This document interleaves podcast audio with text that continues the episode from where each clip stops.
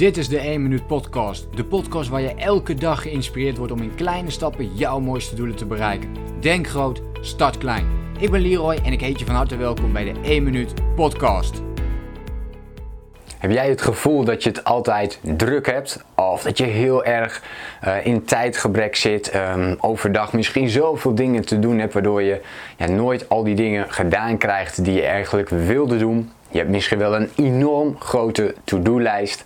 Nou, dan ga ik het vandaag met je hebben over een boek die jou mogelijk eh, kan gaan helpen en dat is Nooit meer te druk. En ik ga je wat meer vertellen over dit boek. Ik ga je mijn drie grootste inzichten delen. Ik doe het iets anders dan normaal. Normaal deel ik de drie grootste inzichten van het complete boek. Ik ga nu drie onderzoeken met je delen uit het boek, want Nooit meer te druk van uh, Tony Krabbe, die... Um, ja, beschrijft heel veel verschillende onderzoeken. En ik vond het nu wel interessant om juist drie van die onderzoeken eruit te gaan pikken. En die met je te gaan delen. Want deze bevatten cijfers die ja, best wel indrukwekkend zijn. Best wel, uh, uh, ja, hoe ga je dat zeggen? Uh, best wel schokkend zijn. Dat is een beter woord. En uh, ja, laten we daar gewoon naartoe gaan. Dus mijn eerste onderzoek wat ik kort met je wil delen. Tony Cabé die, die schrijft over een onderzoek dat is gedaan. En in dat onderzoek geeft hij aan, en hier zijn meerdere soorten onderzoeken al van gedaan ook. Um, en dat is, maakt het wel extra interessant. En om vervolgens dit onderzoek naar de praktijk te halen. En dat ga ik uh, natuurlijk vandaag ook met je doen. Want we gaan het niet alleen over die onderzoekjes hebben, maar juist de praktijkkant uh, op. Want wat heb ik er bijvoorbeeld zelf ook mee gedaan? Um, Tony Cabé, eerste onderzoek wat hij heel erg, uh, wat ik, waarvan ik dacht van wow, dit moet ik gaan delen met jullie. Uh, dat gaat over het, Duitse onderzoek dat is gedaan naar de telefoon. En er is een onderzoek gedaan naar een grote groep van mensen die maar liefst 150 keer per dag op hun telefoon keken. Oké, dus de smartphone-gebruikers waren 150 keer per dag dat ze even hun telefoon eh, pakten om ook maar iets te doen of op te klikken of iets dergelijks. En dat is, als je het gaat omrekenen, en dat is best wel schokkend, is dat per 6,5 minuut is dat iets wat we doen.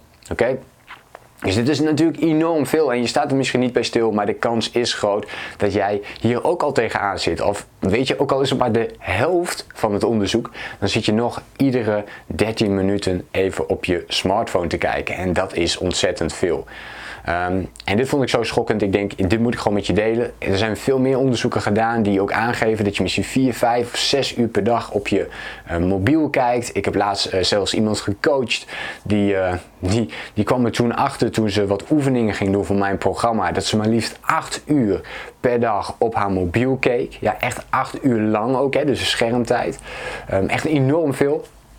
Uh, en dat kan natuurlijk uh, veel minder. En alleen al dat inzicht, dat kan je daarbij gaan helpen. Dus uh, mijn oefening of mijn advies voor jou, of mijn vraag aan jou is: hoeveel tijd zit jij echt, als je heel eerlijk tegen jezelf bent, op jouw mobiel te kijken? En hoe vaak kijk jij op je mobiel per dag?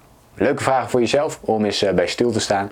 Ik ga uh, tweede onderzoek met je delen en Tony die uh, schrijft het, re het, resultaat van dit onderzoek bleek dat als wij aan het multitasken zijn, nou ja, we weten natuurlijk allemaal wel stiekem dat multitasken sowieso niet werkt, maar Tony die zegt in zijn boek van ja, weet je, wat het is, als we gaan multitasken en we gaan taken door elkaar heen halen, we gaan verschillende taken doen. Dus bijvoorbeeld een mail, maar je wordt tegelijkertijd gebeld, dus dan ga je even bellen, dan ga je met een rapport bezig, dan ga je weer wat mailen. Nou, echt dat soort handelingen, dat het maar liefst 40% langer duurt 40% langer duurt voordat je een bepaalde taak af hebt. Dus stel je, je bent aan het schrijven voor je rapport en ondertussen ga je andere dingen doen, dan duurt het 40% zo lang voordat je ook daadwerkelijk die taak hebt afgerond. Nou, los daarvan zijn er nog heel veel andere dingen die um, niet handig zijn of totaal niet productief zijn. Zo kan ik het beter zeggen om uh, onafgeronde taken ook of onafgerond te laten. Dus het is altijd beter om taken af te ronden, want anders blijft het ook nog in je brein zitten. En dit heet dan het Zeigarnik effect. Daar zal ik nu verder niet zoveel op ingaan.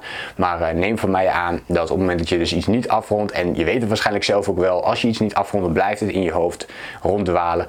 Um, onbewust of dan wel bewust, maar je blijft er continu aan denken. En op die manier is je um, brein, je hersens zijn dus ook niet vrij om echt 100% gefocust te zijn op jouw taak.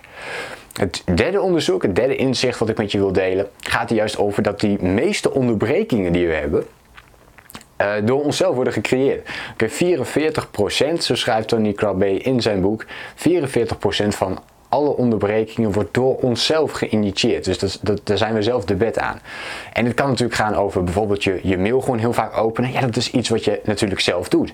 Uh, misschien dat je zelf op, op, op willekeurige momenten mensen gaat bellen. Eh, dat je de verwachtingen naar andere mensen niet hebt verduidelijkt. Hè. Dus als jij het er niet meer eh, over hebt met andere mensen en zij leiden jou op die manier af, ja, dan, uh, dan is dat natuurlijk logisch dat dat gebeurt. Het kan zelfs zo zijn dat je wel um, hebt gezegd van nou weet je tussen 8 en 10 kun je mij uh, niet bereiken, want dan ben ik bezig met een project.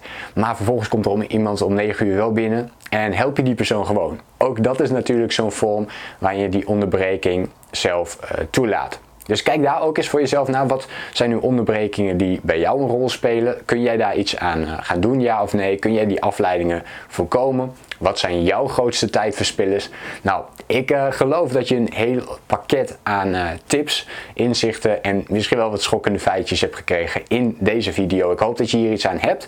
Um, laat me even weten in een reactie. Heb je dit boek al gelezen of heb jij het ook altijd zo druk? Uh, kun jij hier iets mee voor jezelf? Um, is er, zijn er bepaalde onderzoeken juist herkenbaar voor jou? Dat jij ook vindt dat je te veel op je mobiel kijkt, je schermtijd bijvoorbeeld te hoog is? Laat mij weten in een reactie. wil je meer tips en inzichten op het gebied van persoonlijke ontwikkeling en het runnen van jouw online business, vergeet je dan ook niet te abonneren op mijn YouTube kanaal. En dan hoop ik je natuurlijk de volgende keer weer te zien. Denk groot, start klein. Bedankt voor het luisteren. Geloof jij net als ik dat je in kleine stappen jouw mooiste doelen kunt bereiken? Abonneer je dan op mijn podcast voor meer dagelijkse tips en inspiratie. Laat me weten wat je van de podcast vond, deel de inspiratie en geef het door podcast vond, deel